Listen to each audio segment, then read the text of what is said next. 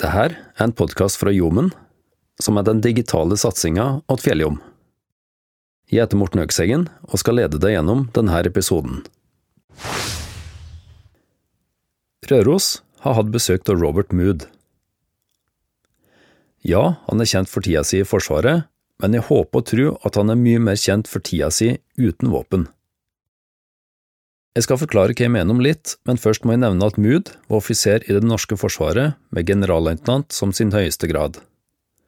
Han var generalinspektør for Hæren og var i 2012 sjef for FNs observatørstyrke i Syria, etter å være sjef for FNs observatørkorps i Midtøsten. I løpet av karrieren i Forsvaret fikk han tildelt en lang rekke medaljer, blant annet Forsvarsmedaljen med Løberggren, som deles ut til personer som har ytt særlig stor og fremdragende innsats for Forsvaret.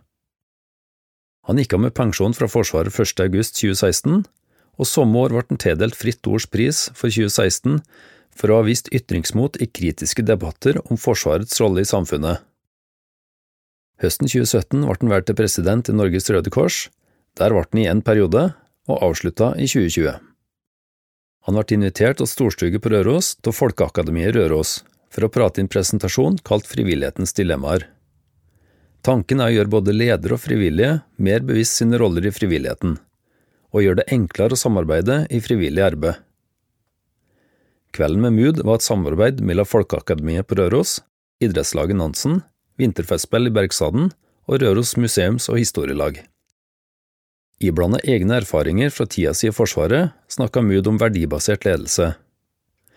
Nå er det vanskelig å gi en klar definisjon av verdibasert ledelse, men det handler om å forklare de ansatte hva de skal gjøre, hvorfor de gjør det, og samtidig gjøre det klart hvilke verdier selskapet har. Og så må ledelsen ha tillit til at de ansatte gjør jobben på en god måte som representerer bedriften. Om du ser litt bredere på det Mood snakker om, handler det i bunn og grunn om å behandle folk på en god og anstendig måte og ha tiltro til at de gjør sitt beste om de får tillit og et formål. Men først må jeg nevne at du senere i podkasten får høre fra Aud Selbo, som er styreleder for Folkeakademiet på Røros, og Bård Krogh Winge, som er daglig leder i Røros Rød Kors hjelpekorps. Så over til Robert Mood. Hva prøver han å lære folk gjennom foredragene sine? Det var å reflektere og inspirere rundt frivillighet og frivillighetens dilemmaer og ledelse av frivillige. Hva er det du prøver å, å lære de frivillige her, som de kanskje ikke allerede kan?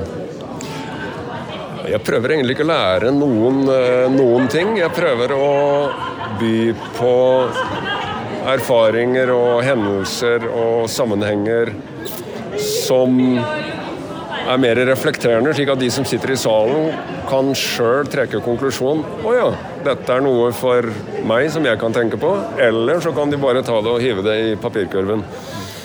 Men det som er gjennomgangstonen, er jo at øh, jeg Mange tror da at vi som har gått i uniform Jeg har jo gått mest i uniform, selv om jeg også har jobba mye med frivilligheten.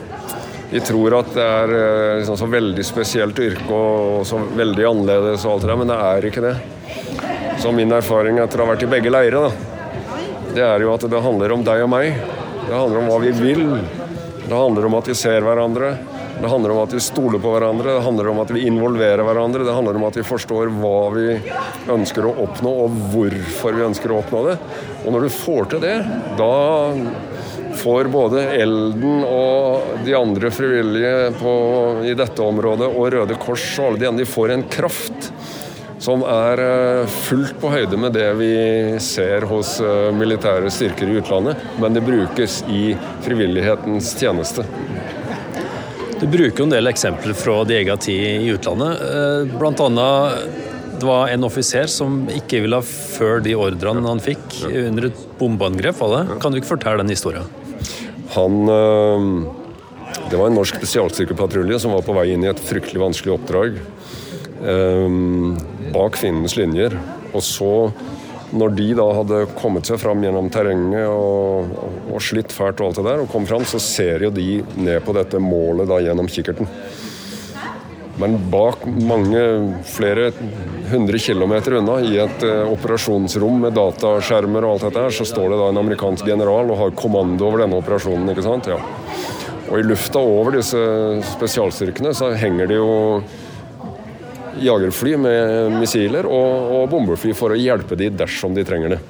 Men den norske kapteinen, en ung junioroffiser, han ser da gjennom kikkerten at det er for farlig å bruke disse bombene. Amerikanske generalen hisser seg opp i operasjonsrommet og sier du må droppe disse bombene nå, og du må gjøre det for å fullføre oppdraget. Hvis ikke må jeg ta flya tilbake igjen, for de er i ferd med å gå tomme for drivstoff. Men den norske unge kapteinen har ryggrad til å stå imot og sende flya hjem. Stikk i strid med generalens ønske. Og han gjør det riktige valget fordi at han har verdier som eh, rettesnor i felt. Fantastisk styrke som ligger i å stå i en sånn. Ja, for at Det norske militæret styrer nå etter verdibasert ledelse, stemmer ikke det? Det er det vi strekker oss etter. Vi, nå sier jeg vi fortsatt, selv om det er flere år siden jeg hang av meg uniformen. Det er klart, altså Forsvaret har jo sine utfordringer og, og sine dårlige eksempler og sine gode eksempler. Men det er jeg helt sikker på. Og det jeg har sett av de unge lederne da, som har overtatt etter oss, det er at det verdibaserte lederskapet som på mange måter ble født med Arne Pran når han bar ansvaret for den forferdelige skredulykken i Vassdalen i 86 det er det lederskapet man vet er det riktige, og det som lykkes, og det som sørger for at soldatene våre kommer hjem like hele både fysisk og psykisk. Så det er det man strekker seg etter, og det er det vi vet gir best resultater. Og det er ikke noe forskjellig fra om du skal lede Elden eller Røde Kors her på Røros? Nei, det er det som er det fantastiske. At når man trekker sammen disse elementene og ser på de forskjellige uh, hendelsene, erfaringene om du vil, og, og, tar stammespråket ut fra den stammen og, og bruker heller stammespråk fra andre, så ser du at det akkurat det samme. Det handler om å bære ansvaret for seg sjøl og for helheten. Det handler om å sørge for at du ivaretar integriteten din. Uh, det handler om gjennomføringsevne. Du må ville noe. ikke sant? Det er viljen som feller eller uh, utløser, som Henrik Ibsen sier. Og det handler om omsorg og krav og det å få det til å spille sammen. Og det er akkurat likt. Det er kliss likt, enten vi snakker om Elden eller Røde Kors eller norske spesialsoldater langt bak fiendens linje. Men du eh, har gått ut til Røde Kors, stemmer ikke det? Jeg var ferdig i 2017. Jeg, nei, hva er det? 17, 18, 19 Jeg var ferdig i 2020. Mm. Og det var, eh, det var, eh, avklart på forhånd, så det var ikke noe drama i det. Jeg sa fra at jeg syns det er en ære å få lov å være med i Røde Kors. Eh, men jeg har veldig mange andre ting jeg driver med også, så jeg skal være med i én periode. Og det er, en, det er en treårsperiode, og den var over i 2020. Nei, grunnen til at jeg spør, er for at da har du til en viss grad pulsen på, på der frivillighetsfingeren. Og det jeg lurer på er hvordan er vilkårene for de frivillige, frivillige nå? De trenger flere. Og de trenger uh, mer støtte fra myndighetene i form av momsfritak og nød, uh, nødsambandlisenser og alt, all denne tilrettelegginga. Uh, de trenger flere medlemmer, som jeg sier, ja. Og de trenger kanskje litt av denne generasjon Z holdningen om at toppnivåene må i større grad eh, legge til rette, støtte og løfte fram enn å være litt sånn byråkratisk byråkratiske administratorer som eh, forteller i detalj hva de skal gjøre. Men hvis vi skal oppsummere, så det står kanskje greit her fortsatt da med norske frivillighetsånden?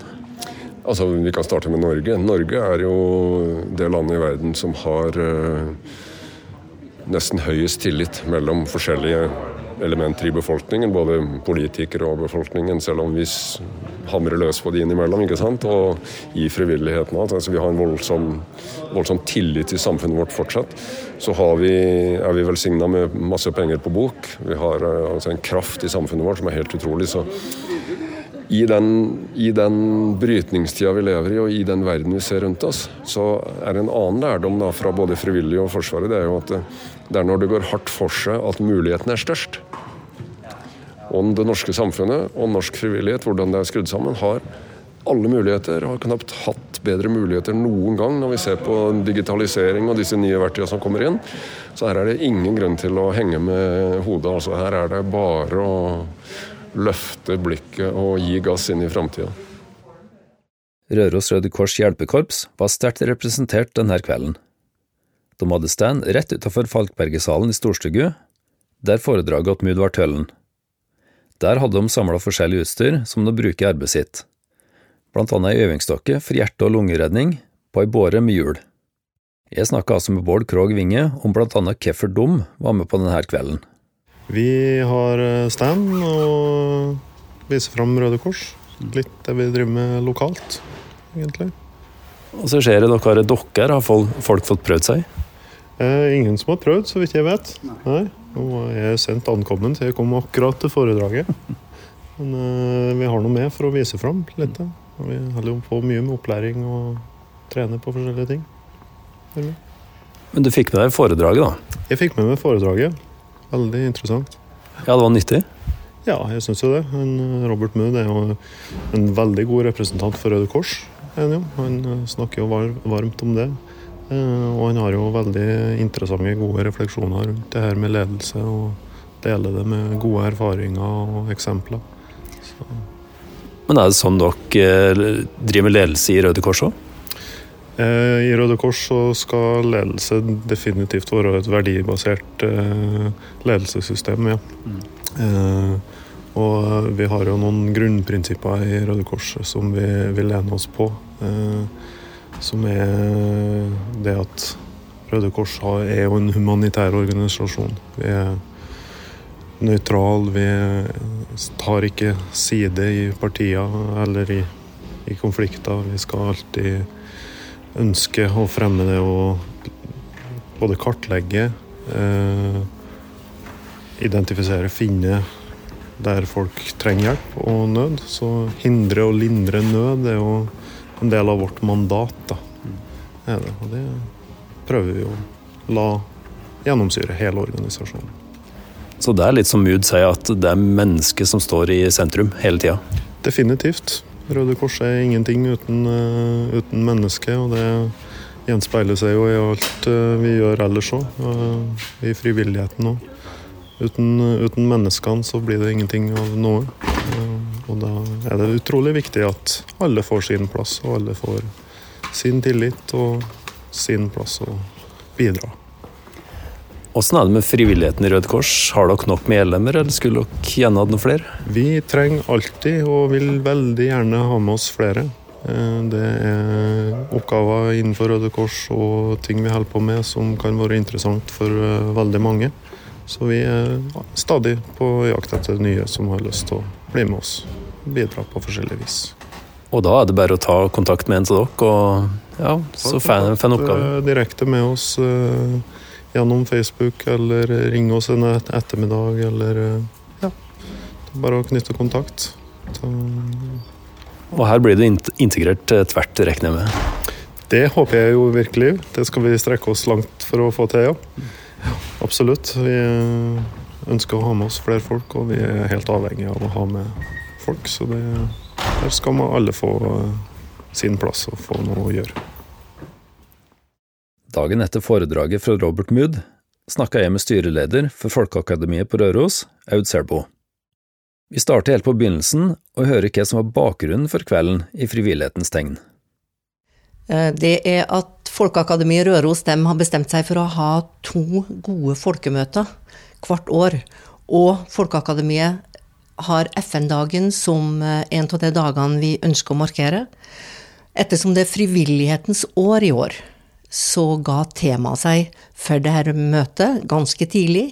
Og vi var veldig tidlig ute med å henvende oss til Robert Mood, fordi at vi syntes han var en god representant for frivillig arbeid nasjonalt og internasjonalt. Hva hva var det han prata om denne kvelden?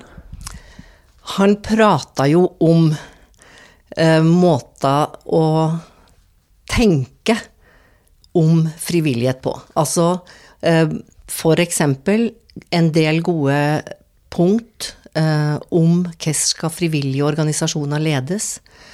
Og så ga han en god del eksempel på at eh, når vi gjør ting frivillig, så gjør vi gode verdivurderinger i vanskelige situasjoner. Det var det ganske mange eksempel på. Men er det sånne ting som det her som Folkeakademiet skal drive på med? Folkeakademiet er en eh, veldig klart verdibasert organisasjon. Sånn som de har vært dreven de siste åra, så har de òg vært en slags turnéorganisasjon som har sendt rundt sangere, musikere, eh, foredragsholdere. Folkeakademiet Røros eh, har aldri gjort seg nøtte av det tilbudet som Folkeakademiet sentralt har hatt. Det har vært to årsaker til det. Det ene er at vi har erfaring for at når en skal lage et folkemøte, så er det viktig at Eh, det angår lokalbefolkninga.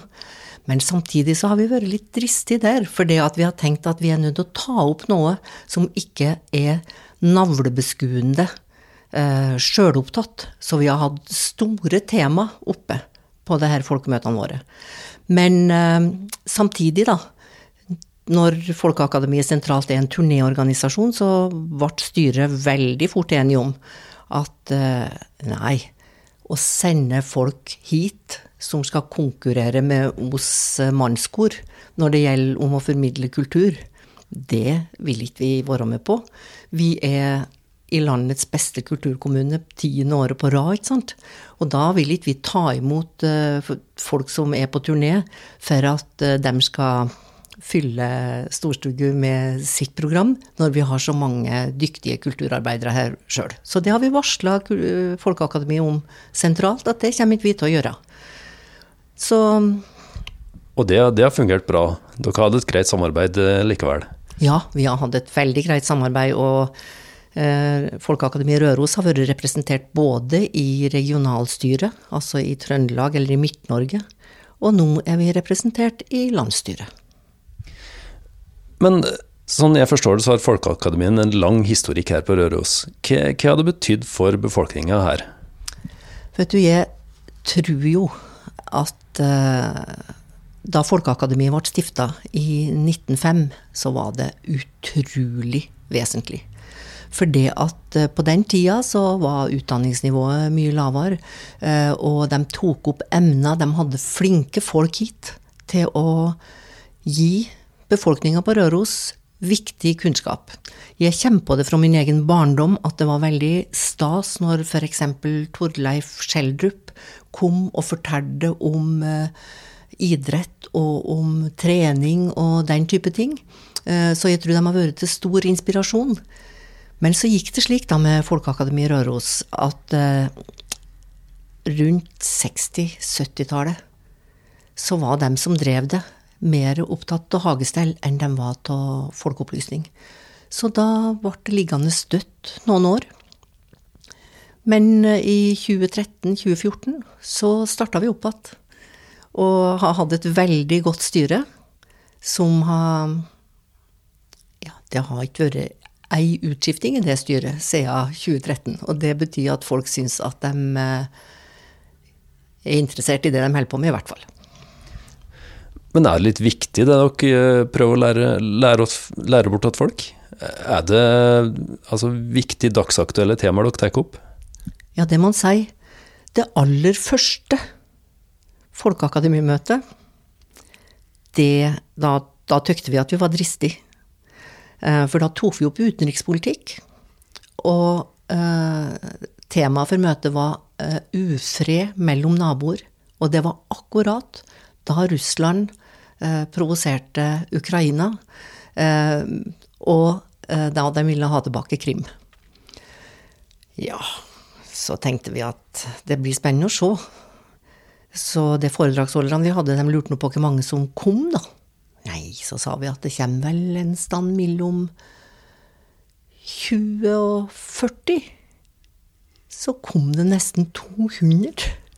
Og det skyldtes jo at foredragsholderne var han Tor Bokvold fra Forsvarets forskningsinstitutt og Arne Egil Tønseth, som hadde vært eh, korrespondent i Moskva, ikke sant? og som attåt hadde sterk tilhørighet til Røros.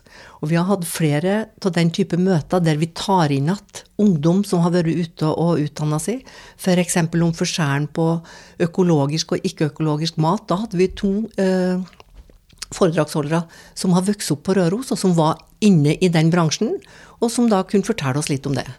Så ja, jeg tror vi har, jeg tror vi har bibrakt noe som eh, folk har hatt bruk for, jeg. Men får dere tilbake seg sånne forelesere som en Tor Bukkvold, tror du? Tor Bukkvold kom jo igjen en gang til, han, for han syntes det var trivelig. Så vi hadde han på FN-dagen for eh, ja, kanskje det var i fjor. Uh, og, da, og, da, kom det òg mye folk og hørte på en Tor. For uh, det er klart at uh, temaet Ukraina, det er jo hans spesialområde. Det opptar jo folk til daglig nå. Nå er det jo det vi tenker på, alle. Jeg skal spørre deg helt til slutt om hva, frem, hva Folkeakademiet skal gjøre fremover, men eh, jeg må jo avslutte med denne kvelden. da. Eh, hva håper du at folk har fått ut av den forelesninga med Robert Mood? Eh, jeg håper at hele den store frivillige skaren som fins i vår kommune og i vår region, at de følte seg verdsatt, at de følte at de fikk eh, velfortjent eh, ros og fokus. Og det som var spesielt med kvelden, var jo at eh, vi så det lokale, frivillige arbeidet i et perspektiv helt opp til internasjonalt nivå. For det at FN som organisasjon, de kan jo ikke beordre FN-soldater ut de er nødt å ha folk som melder seg. Sånn at uh, frivilligheten som vi da hadde oppe i går, den uh, er i spennet internasjonal, lokal. Og det er jo fint å se innsatsen sin uh, på Røros i en sånn sammenheng, og vite at det fungerer alle, på alle nivå oppover. Så var det selvfølgelig òg viktig at vi som da er i ledelsen, for eh, frivillige organisasjoner. At vi fikk noen hint om hvordan vi må lede disse organisasjonene hvis vi skal få et godt frivillighetskorps. Og det som var hoved... Det var to hovedbeskjeder som eh, nådde meg veldig sterkt. Det ene var at hvis det er en uh, suksess, så er det uh, staben som skal roses. Hvis det går dårlig, så er det ledelsen som skal kritiseres. Det er et, uh, et godt tips. Det andre var jo fortell folk hva de skal gjøre, og hvorfor de skal gjøre det.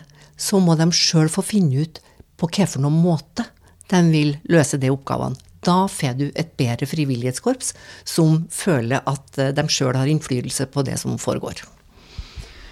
Dere må jo ha lært litt av den leksa allerede, eller av den lærdommen allerede. For det at dere har jo hatt med dere noen samarbeidspartnere i dette prosjektet. Fortell litt om dem.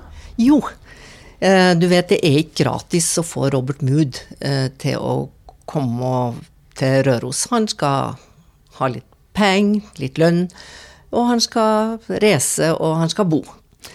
Og Folkeakademiet er jo ingen eh, kapitalsterk organisasjon, så vi var litt redd for at vi kanskje ikke hadde økonomiske muskler til å gjøre det her. Og da henvendte vi oss til lag og foreninger i regionen og spurte om følgende. Hvis dere har et frivillighetskorps som dere vil uh, gjøre litt ære på, så kan dere betale inn 3000 kroner til, her, til denne kvelden. Og så kan hele dort frivillighetskorps få gå gratis på det foredraget med Robert Mood. Og da fikk vi tre positive svar umiddelbart. Det ene var idrettslaget Nansen, og det var mye dalsbygdinger oppe i Storstugu i går. Det andre var historie- og museumslaget, og det var mange folk derifra òg. Og det tredje var Vinterfestspill i Bergstaden, som har et utmerket frivillighetsapparat. Og da er det en måte å vise at en setter pris på dem på, når en sier det. Dere er velkommen gratis på det her møtet.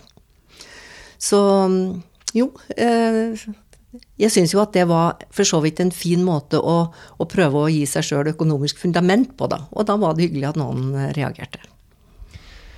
Men jeg må jo spørre nest siste spørsmålet. Åssen står det til med frivilligheten her på Røros? Svaret er utmerket. Det er helt enestående hvordan folk stiller opp. Så ja, all ære til alle folk som eh, holder på. Sånn er det. Og helt til slutt, da. Hva kan vi vente til Folkeakademiet nå fremover? Har dere noe arrangement planlagt? Vi har et uh, årsmøte i uh, februar-mars. Da legger vi eh, årsplanen. Og nå har vi hatt det store folkemøtet på høsten, sånn at hvis du kommer på besøk igjen eh, en gang i mars, så kan du få høre hvilke folkemøter vi skal ha på våren og på høsten. For vi har to møter hvert år. Men er det mulig å komme med noe innspill? Ja, det er det. Det er, det er vi veldig glad for. Så det gjelder alle lyttere på Fjelljom sin podkast. Hvis dere har forslag til ting som Folkeakademiet skal ta opp og belyse, så er dere hjertelig velkommen. velkommen. Du har hørt en podkast fra Fjelljom. Du finner alle våre podkaster gratis på fjelljom.no. Du finner dem òg på Spotify, iTunes og andre podkasttjenester.